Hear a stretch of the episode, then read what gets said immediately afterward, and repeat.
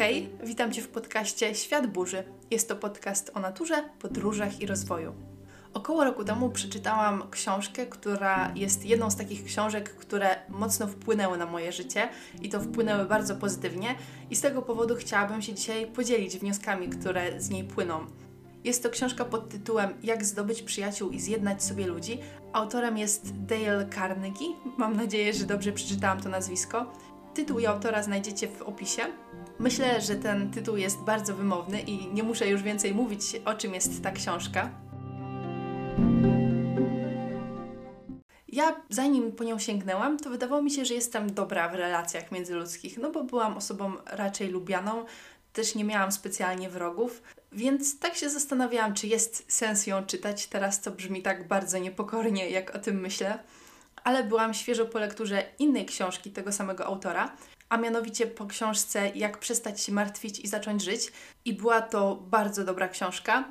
Była to książka, której wtedy mocno potrzebowałam i mogę powiedzieć, że zmieniła jakoś moje życie. Więc postanowiłam, że tej drugiej książce też dam szansę i zobaczymy, co ciekawego ma autor do powiedzenia. I mogę powiedzieć, że przeczytanie tej książki sprawiło, że mam taki pełniejszy obraz, taką wręcz instrukcję tego, w jaki sposób budować relacje z ludźmi, w jaki sposób z ludźmi postępować. Ja oczywiście nie jestem idealna, nie stosuję się do tych zasad w pełni, też popełniam mnóstwo błędów, ale mogę powiedzieć, że moje relacje z niektórymi bliskimi osobami naprawdę są teraz dużo lepsze. Miałam też okazję zastosować zasady zawarte w tej książce podczas pracy na obozach młodzieżowych, a tam tych relacji z ludźmi jest naprawdę multum. Te umiejętności wychowawcze, umiejętność współpracowania, współżycia z innymi ludźmi, rozwiązywania różnych konfliktów jest tam czymś, co występuje tak intensywnie. Więc na tych obozach jako wychowawca sama się tam bardzo dużo uczę o ludziach, ale miałam tam właśnie tak okazję intensywnie przetestować tą książkę i jednocześnie miałam porównanie do obozów z poprzednich lat no i rzeczywiście mogę powiedzieć, że te zasady działają. Jeżeli dobrze pamiętam, to Dale zawarł w swojej książce 30 zasad i podzielił je na kilka różnych kategorii. Każdą zasadę wyjaśnił i dodał do nich świetne przykłady. Ja w tym podcaście nie będę poruszała oczywiście tych wszystkich 30 zasad. Wyodrębniłam 8 takich zasad, o których chciałabym dzisiaj powiedzieć. Są to zasady, które tak najbardziej zapadły mi w pamięć i z których chyba najbardziej korzystam, ale oczywiście bardzo zachęcam Was do przeczytania albo wysłuchania tej książki. Ja też już nie pamiętam jakichś większych szczegółów czy dokładnych przykładów z tej książki. Nie chciałabym jej tutaj kopiować, a właśnie nagrać ten odcinek bardziej na podstawie moich doświadczeń od czasu, w którym przeczytałam tę książkę. Pierwsza zasada i właściwie taka najważniejsza, i w niej zawierają się inne zasady, i właściwie na niej opiera się cała książka, to to, że każdy ma dużą potrzebę bycia ważnym. Każdy z nas potrzebuje czuć się ważny i właściwie każdy jest takim trochę pępkiem swojego świata. I oczywiście nie ma w tym nic złego, jest to zupełnie normalne. I te wszystkie zasady zawarte w tej książce sprowadzają się do tego, żeby dać drugiej osobie poczucie, że jest ona dla nas ważna. A jeżeli sprawisz, że ktoś przy tobie poczuje się ważny, znaczący, to zwiększasz szansę na to, że cię polubi. Co było dla mnie ciekawe, to ta zasada sprowadza się również do osób, które są na wysokich stanowiskach. Wydawałoby się, że jeżeli ktoś jest powiedzmy jakimś prezesem gdzieś tam wysoko, to niepotrzebne mu jest zapewnienie o tym, że on jest ważną osobą. Przecież już widać, że jest ważną osobą. A okazuje się, że zasady zawarte w tej książce będą działały nawet podczas jakichś biznesowych spotkań z osobami, które są gdzieś tam dużo wyżej w hierarchii od nas. Właśnie super jest to, że w tej książce jest podanych bardzo dużo takich przykładów ze świata biznesowego. I właściwie, jeżeli byście chcieli, to możecie przestać słuchać w tym momencie, ale zachęcam do słuchania dalej, ponieważ te zasady, o których powiem, myślę, że są bardzo praktyczne. Zasada numer dwa. Dla każdego jego własne imię i nazwisko to jedne z najdroższych i najpiękniejszych słów. Czyli w skrócie warto zapamiętywać imiona i nazwiska innych osób. I tak jak mówiłam przy zasadzie pierwszej, jeżeli pamiętasz czyjeś imię, a jeszcze do tego powiedzmy nazwisko, to ta osoba czuje się wtedy po prostu ważna. Wyobraźcie sobie taką sytuację, że wracacie sobie do domu, idziecie ulicą i nagle spotykacie jakąś osobę, z którą raz jedyny widzieliście się kilka lat temu. I ta osoba uśmiecha się do Was, macha i mówi: Cześć Wojtek albo Cześć Maja. Czy nie poczulibyście się wtedy ważni? Wy kojarzycie tą osobę z twarzy, ale nie macie zielonego pojęcia, jak się nazywa, no bo kto pamięta imiona osób poznanych na jednej imprezie kilka ładnych lat temu? W każdym razie, czy nie byłoby Wam wtedy miło i nie poczulibyście się ważni? Ja przez wiele długich lat uważałam, że imiona to jest moja pięta achillesowa. I jeszcze na tych obozach z dziećmi, gdzie tych dzieci było multum i trzeba było pozapamiętywać ich imiona, to była dla mnie masakra. Nie mogłam się ich nauczyć, a jak już się ich nauczyłam, to później mi się znowu zaczęło wszystko mieszać. I kiedyś miałam takie podejście, że no ja po prostu nie mam pamięci do imion, trudno. Ale po lekturze tej książki uświadomiłam sobie, jak to jest ważne pamiętać te imiona i nazwiska.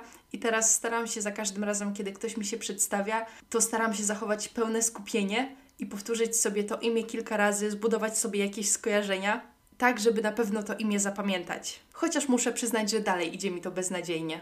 Parę ładnych lat temu pracowałam w Decathlonie i bardzo miło wspominam tę pracę, i też pamiętam, że bardzo dobrze się w tej pracy czułam i czułam się tam ważna, mimo że byłam na samym dole tej takiej drabinki kariery, bo byłam takim przeciętnym pracownikiem, którego możecie zapytać, gdzie są rakietki do tenisa, kiedy wejdziecie do sklepu. Ale tam właśnie była taka zasada, że kierownicy pamiętali wasze imiona, ponieważ nie tylko kierownik działu pamiętał moje imię, ale wszyscy kierownicy, jak się ze mną witali, to witali się ze mną po imieniu. A ja nie miałam bladego pojęcia, jak nazywają się ci kierownicy, i dopiero uczyłam się tego z czasem. Zasada numer 3.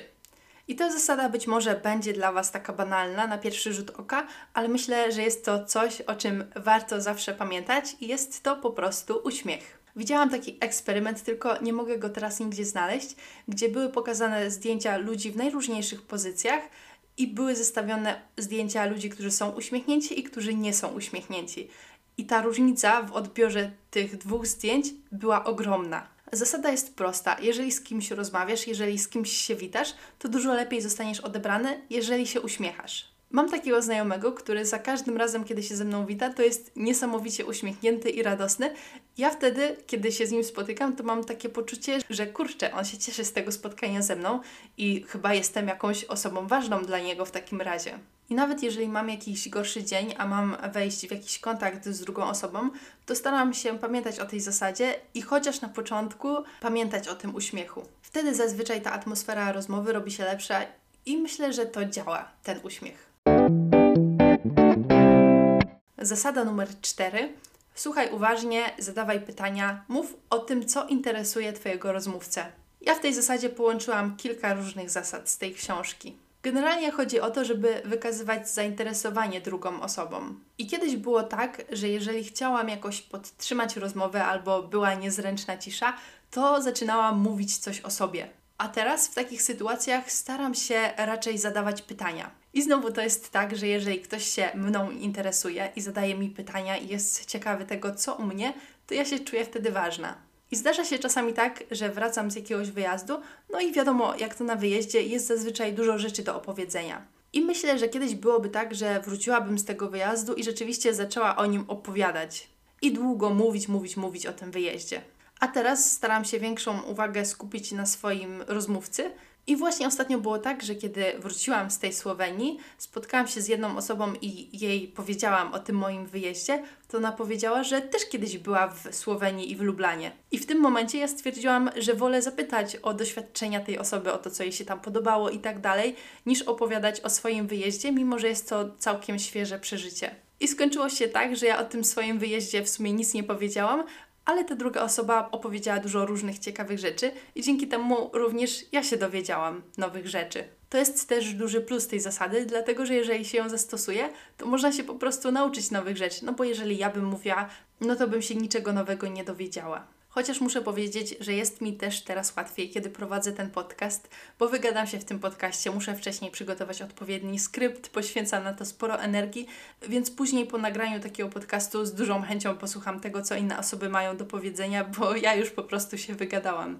I jednocześnie mogę sprawić, że po naszej rozmowie, kiedy już się rozstaniemy, to te osoby będą się czuły dobrze i będą się czuły ważne. Chociaż tak jak mówiłam, ja nie jestem idealna, i ja również mam potrzebę poczucia, mm, że jestem ważna, jestem tego zupełnie świadoma i czasami jest tak, że gdzieś tam zacznę o sobie gadać i jestem tym bardziej zainteresowana niż wysłuchaniem tego, co inne osoby mają do powiedzenia. No ale staram się cały czas nad tym pracować, no i widzę tego efekty. Zasada numer 5. Nie krytykuj. i wystrzegaj się krytyki jak ognia. Wiem, że czasami są takie momenty, gdzie trudno tej krytyki uniknąć. I w tym momencie mogłabym poruszyć też kilka innych zasad, w jaki sposób postąpić, jeżeli już naprawdę trzeba komuś powiedzieć, że ta osoba zrobiła źle. Nie będę tego na razie robić. Myślę, że jest to dobry temat na inny, zupełnie odrębny podcast. Więc zostajmy przy tej zasadzie nie krytykuj i chciałabym Wam opowiedzieć historię, która bardzo mocno z tej książki utknęła mi w pamięci. Nie pamiętam w tym momencie dokładnych szczegółów tej historii, ale myślę, że ogólny sens zachowam. Na pewnym lotnisku odbywały się takie ćwiczeniowe loty samolotami i była osoba, która była odpowiedzialna za napełnianie samolotów jakąś tam benzyną. I pewnego razu ta osoba się pomyliła i wlała inny płyn zamiast tej benzyny. To spowodowało, że kiedy pilot ruszył tym samolotem, to po pewnym czasie ten samolot odmówił posłuszeństwa, no i pilot prawie zginął z powodu tego błędu. Osoba, która była odpowiedzialna za napełnianie tej benzyny, oczywiście była przerażona i była przekonana o tym, że pilot będzie oczywiście niesamowicie zły i że za chwilę prawdopodobnie zostanie wyrzucona ze swojej pracy. Więc trzęsła się ze strachu, ale okazało się, że kiedy już pilot zaparkował samolotem, bo jakoś tam udało mu się wylądować, i ten pilot nie powiedział ani jednego złego słowa, spojrzał tylko na tę osobę i powiedział: Jutro ty tankujesz mój samolot, ponieważ jestem przekonany, że drugi raz nie popełnisz tego błędu. Jeżeli ja bym postawiła się w sytuacji tej osoby, to jestem na 1000% pewna, że nie popełniłabym drugi raz tego błędu. Bardzo możliwe, że coś pochrzaniłam, że to nie była benzyna, że może to były szybowce, ale generalnie to nie o to tutaj chodzi w tej historii. Krytyka jest czymś, co po prostu zazwyczaj nie działa, a na domiar złego wręcz zmusza do obrony. Wyobraźmy sobie ucznia, nazwijmy go Ania, która idzie sobie właśnie do szkoły, jest piękna pogoda, ona jest w super humorze, ale w szatni okazuje się, że zapomniała butów na przebranie. No ale po co jej buty na przebranie, bo to czy ona będzie w tych butach z dworu, czy będzie w kapciach, to nie ma znaczenia, ponieważ tak czy siak nie nabrudzi, skoro jest taka ładna, słoneczna pogoda.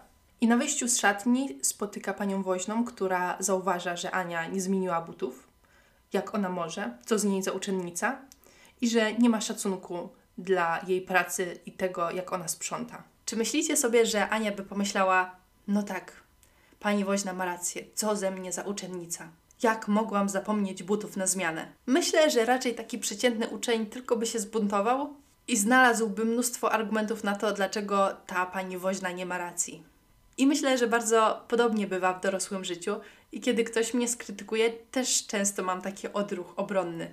Jeżeli ktoś ma dystans do siebie, to jest naprawdę super, jeżeli ktoś umie przyjąć krytykę. Jednak myślę, że nie jest to takie częste i trzeba być z tą krytyką naprawdę ostrożnym. Zwłaszcza jeżeli zależy nam na tym, żeby zjednać sobie tych ludzi i zdobyć przyjaciół.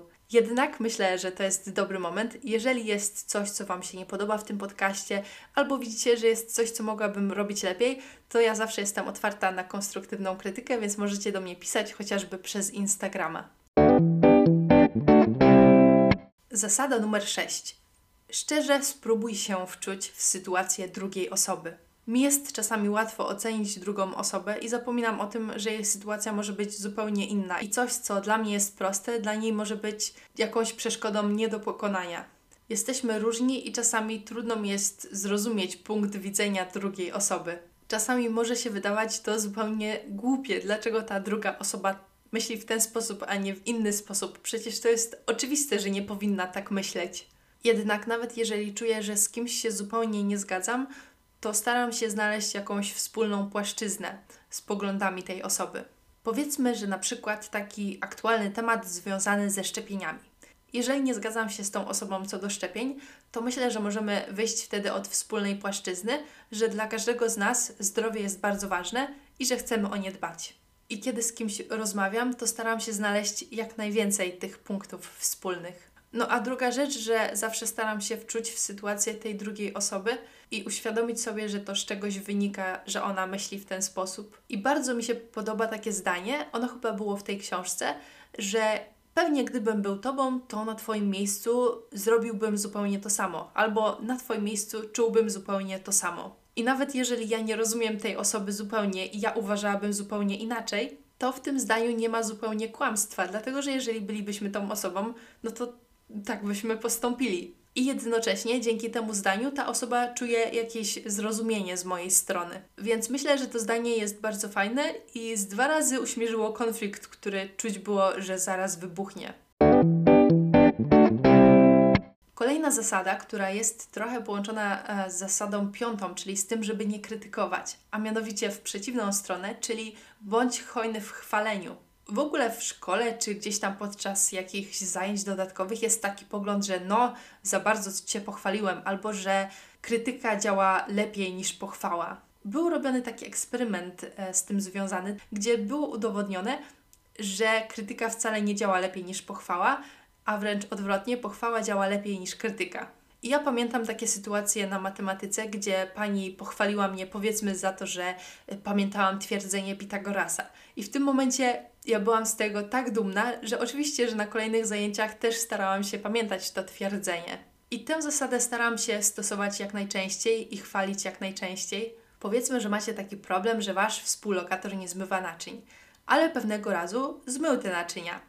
I w tym momencie, jeżeli go pochwalicie, to myślę, że zwiększa to szanse na to, że kolejnym razem również pozmywa te naczynia. I czasem warto zauważyć takie najdrobniejsze rzeczy i podziękować za takie najdrobniejsze rzeczy. I to jeszcze raz zauważę, że cały czas odnosi się do tej pierwszej zasady, czyli poczucia, że jest się ważnym. No bo jeżeli ktoś mnie pochwali, to wtedy czuję się doceniona i czuję się zauważona i czuję się ważna. Ten sposób doszliśmy do zasady numer 8. I ta zasada to przyznawaj się szybko do własnych błędów. Każdy czasem popełnia błędy. Ja również, nawet jeżeli bardzo się staram i bardzo uważam, no to zdarza mi się te błędy popełniać. Nauczyłam się, żeby właśnie szybko przyznawać się do tych błędów, żeby szybko i szczerze za nie przepraszać i się nie usprawiedliwiać. I tutaj cały czas pamiętam historię z tej książki, więc ją opowiem. Pewnej firmie był prezes, który wszystkiego się czepiał i nigdy nie był zadowolony. Jeżeli wykonałeś chociaż najdrobniejszy błąd w swoim projekcie, mogłeś być pewny, że on to zauważy i zrobi ci ładną pogadankę, żeby tylko wylać na ciebie swój kubeł niezadowolenia. I w tej firmie pewien projektant pewnego razu popełnił właśnie pewien drobny błąd. I on zdawał sobie sprawę z tego, że nie jest to nic wielkiego, ale wiedział też, że szef będzie jak zawsze bardzo niezadowolony. Jednak tym razem miał plan. Udał się do pokoju szefa, wszedł i zanim szef zdążył cokolwiek powiedzieć, pracownik zaczął przepraszać i kajać się za to, że popełnił taki błąd, zaczął przepraszać za swoją nieuważność, wyraził dużą skruchę i świadomość tego, że może to przynieść firmie dodatkowe koszty. Przeprosił szefa za wszystkie możliwe konsekwencje swojego błędu i za to, że zajmuje mu czas. Szef próbował mu przestać, ale pracownik nie przestawał się kajać. I w momencie, kiedy skończył, mina szefa była zupełnie inna niż zazwyczaj w takich momentach. Szef był trochę zbity z tropu, ale zupełnie zmiękczał i stwierdził, że nie, właściwie to ten błąd to wcale nie jest taki duży i że właściwie to nic się nie stało, że wcale to nie jest tak duży problem dla firmy, a nawet dla niego. Jeżeli dobrze pamiętam, to w ogóle na koniec ten szef zaprosił tego pracownika na obiad. I wydaje mi się, że to jest tak, że kiedy ta druga strona jest przygotowana do ataku, że zaraz komuś nawypomina, że zaraz go ochrzani, ale ta druga osoba sama się przyznaje do błędu i wykazuje skruchę, to nie ma już gdzie wbić tego toporu. Więc ja miałam kilka takich sytuacji i uważam, że ta zasada rzeczywiście była przydatna. No i co? I to nie jest przyjemne, jak trzeba się przyznać do błędu, ale jakoś udało mi się z tym pogodzić, że mimo największych starań błędy to jest coś, czego nie uda mi się uniknąć, a zdecydowanie dużo bardziej wolę sama przeprosić i okazać skruchę, niż żeby druga strona była na mnie zdenerwowana i żeby mi nawypominała. I to już wszystkie zasady, o których chciałam Wam powiedzieć w tym odcinku. Oczywiście bardzo zachęcam Was do przeczytania tej książki o tym, jak zdobyć przyjaciół i zjednać sobie ludzi. Spotkałam się z takim podejściem, że jak uczysz się takich rzeczy, to taka trochę manipulacja innymi ludźmi, ale tak szczerze powiedziawszy, to sama bym chciała, żeby ktoś stosował te zasady wobec mnie. I z takich ciekawostek to jakiś czas po tej książce zaczęłam czytać 48 praw władzy. Właściwie to zaczęłam czytać tę książkę razem z chłopakiem i tą poprzednią książkę o tym, jak zdobyć przyjaciół, mój chłopak również przeczytał, bardzo mu się podobała. Później mieliśmy bardzo dużo rozmów na ten temat, więc macie rekomendacje nie tylko ode mnie, ale też od niego. Ale jeżeli chodzi o te 48 praw władzy, to doszliśmy do wniosku, że jest tam dużo elementów wspólnych z tą książką Jak zdobyć przyjaciół, jednak ta druga książka jest napisana w taki niefajny sposób, w taki właśnie bardzo manipulacyjny. I z kolei, jeżeli wiedziałabym, że jakaś osoba stosuje się do tych zasad, to niekoniecznie chciałabym mieć z nią coś do czynienia. Chociaż myślę, że warto przeczytać tę książkę 48 praw władzy według Roberta Greene, żeby być świadomym takich zasad, według których inni mogą postępować. Dziękuję Wam bardzo za wysłuchanie tego odcinka. I już na sam koniec tradycyjnie zapraszam Was na swojego Instagrama, który nazywa się tak jak podcast, czyli Świat Burzy. No dobra, to wszystko na dzisiaj. Dzięki za słuchanie i do usłyszenia. Cześć!